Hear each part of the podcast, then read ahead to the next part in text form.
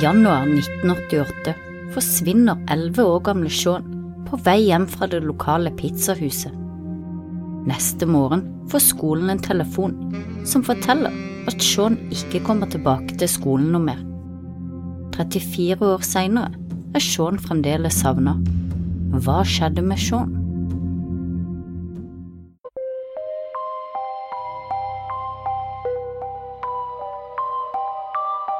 Sett deg godt til rette med noe godt i koppen, og bli med oss inn i denne ukas krimhistorie.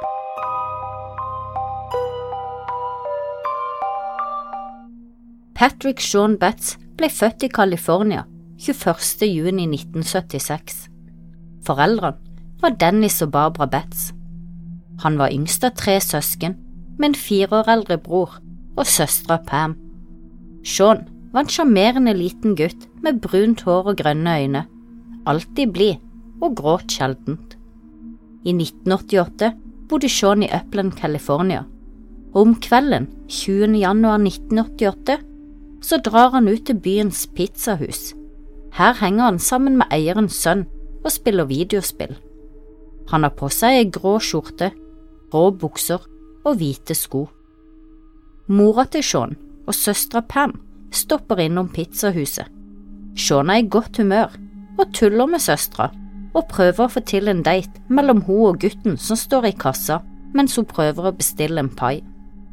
Etter at mora og søstera har dratt fra pizzahuset, skal Sean og en kamerat ha dratt for å se på en basketballkamp på den lokale ungdomsskolen. Der hadde de ikke fått lov til å komme inn, så guttene hadde dratt tilbake til pizzahuset.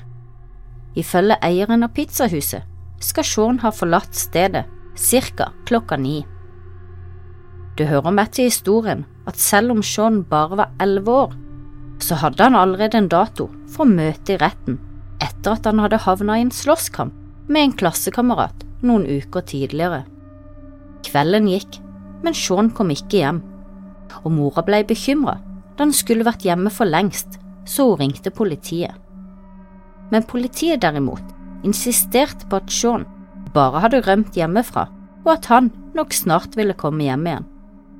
Politiet rykka likevel ut etter mas fra mora, og de snakka med eieren av pizzahuset og kikka litt rundt, og så stansa det der. Kanskje hadde politiet den pågående saken som venta Sean etter slåsskampen med en klassekamerat, i bakhodet, og derfor anså det som større sannsynlig at han hadde rømt hjemmefra.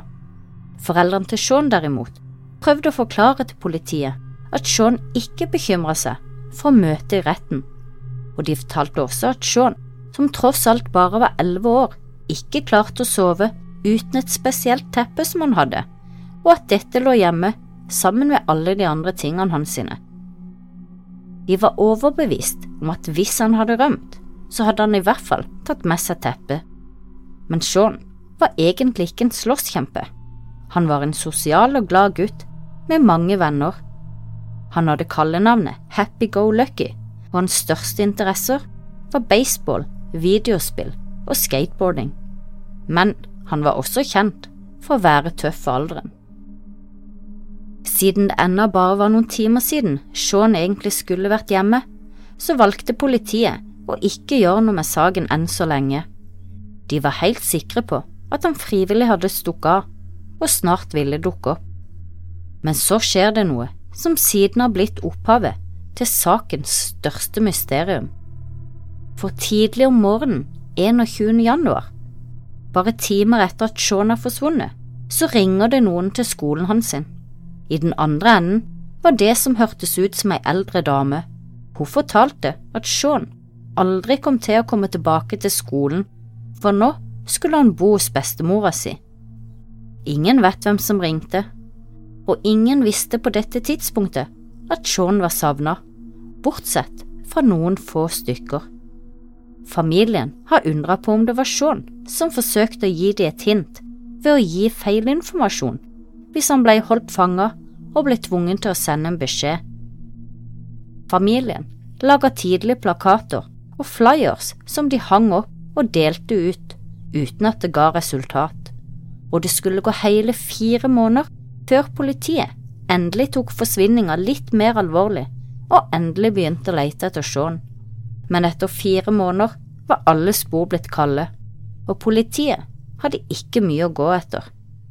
Det eneste som var litt mistenksomt, var at pizzahuseierne hadde pakka sakene sine og reist fra stedet tidlig etter at de hadde blitt avhørt første gang.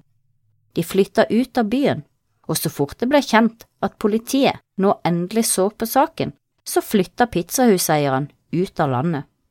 Det hører med til historien at flere år tidligere hadde familien som bodde hjemme til pizzahuseieren, blitt skutt og drept, så de kan rett og slett bare ha vært redd for hvordan samfunnet ville reagere, skyldig eller uskyldig, all den tid de var noen av de siste som snakka med Sean. Pizzahuseierne ble dermed et blindspor for politiet. Familien var nå flytta ut av landet, og de hadde ingen rettigheter til å avhøre de der de bodde nå. Så da flytta politiet av ukjente grunner fokuset over på Sean sin 15 år gamle storebror. Storebroren hadde blitt plukka opp av politiet og avhørt uten å ha en voksen til stede, og politiet holdt han der i åtte timer og utsatte han for mange spørsmål og også en løgndetektortest. Denne testen besto han ikke, og politiet, som allerede hadde blod på tann, ble nå som rovdyr. De fortalte den nedbrutte 15-åringen at om han bare tilsto, så skulle han få slippe ut, og til slutt så tilstod han for å få spørsmålene til å stanse. Pam, Sean og 15-åringens søster fortalte i ettertid at politisjefen hadde brølt så høyt på 15-åringen at familien kunne høre det da de kom løpende inn på politistasjonen etter å ha funnet ut hvor 15-åringen var, og rommet var lengst nede i ganga. Men politiet hadde tatt fullstendig feil for broren til Sean hadde nemlig flere vitner som kunne bevise at han var i San Francisco over seks timer unna da Sean forsvant. Han hadde nemlig spilt konsert med bandet sitt Manta. Det levner derfor ingen tvil om at han umulig kunne ha hatt noe med Sean sin forsvinning å gjøre. Tilståelsen var falsk, og politiet hadde tvunget den fram.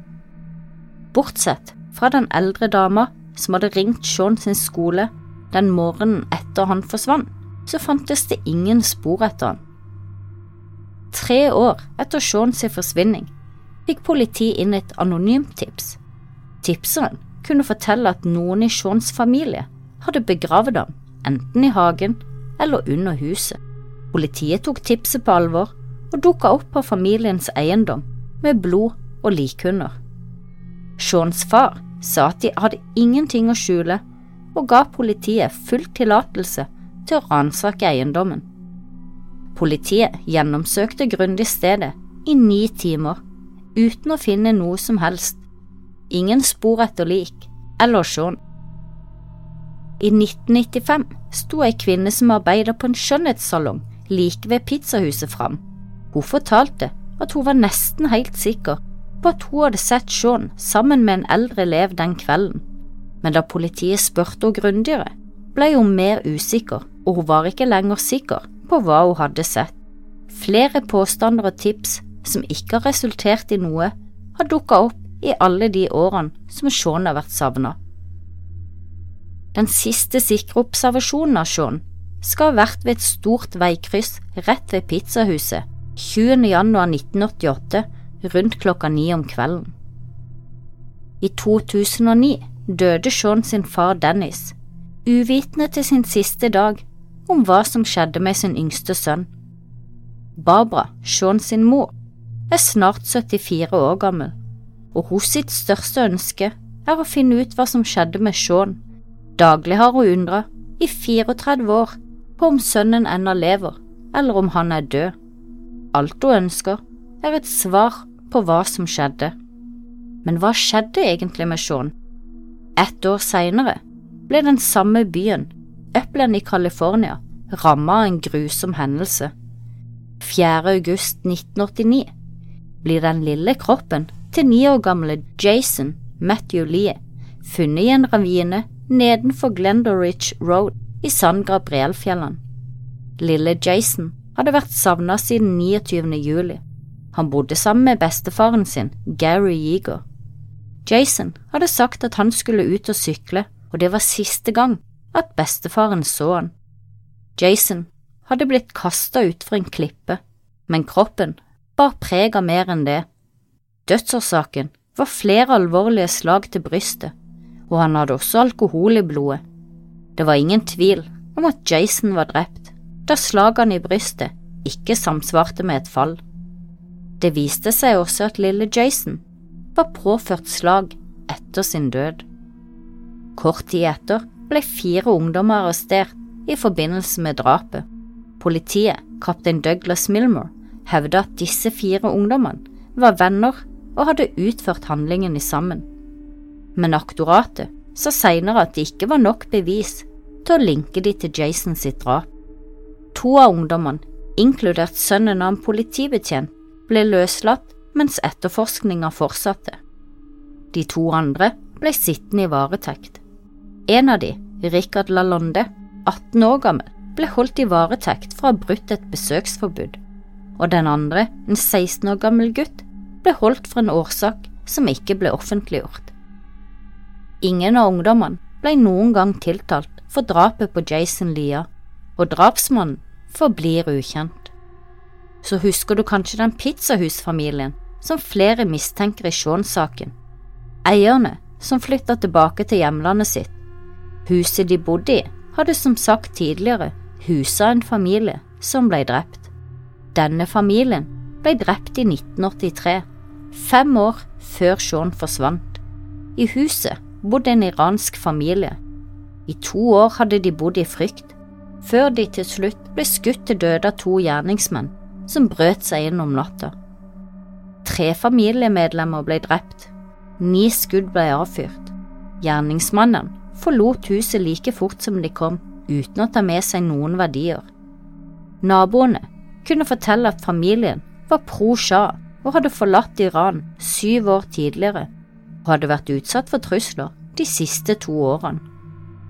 De drepte var Sara Hosini, hennes 23 år gamle sønn Hamid Garavi og den 9 år gamle dattera Samile Garavi. Det var husets 14 år gamle datter, Hamide Garavi som ringte politiet. Hun fortalte at inntrengeren hadde skutt mot henne, men bomma. To yngre brødre hadde sovet gjennom det hele og var ikke skada. Deres far, Sayid Garavi, var i Iran på en businessreise. Også disse drapene er uløst. Men har saken en forbindelse til hverandre, annet enn at de deler en grusom skjebne. Kanskje Sean og Jason-sakene, men det virker mer sannsynlig at Sean har blitt bortført, at Jason ble drept av disse ungdommene, og den iranske familien drept av politiske årsaker, og pizzahuseierne som immigranter flytta muligens med god grunn for å ikke bli syndebukkene til politiet på grunn av deres status og fordi at de var blant de siste som så og snakka med Sean. Neste episode, med krimprat med Lise og Fiona hvor vi diskuterer denne saken, den kommer i morgen.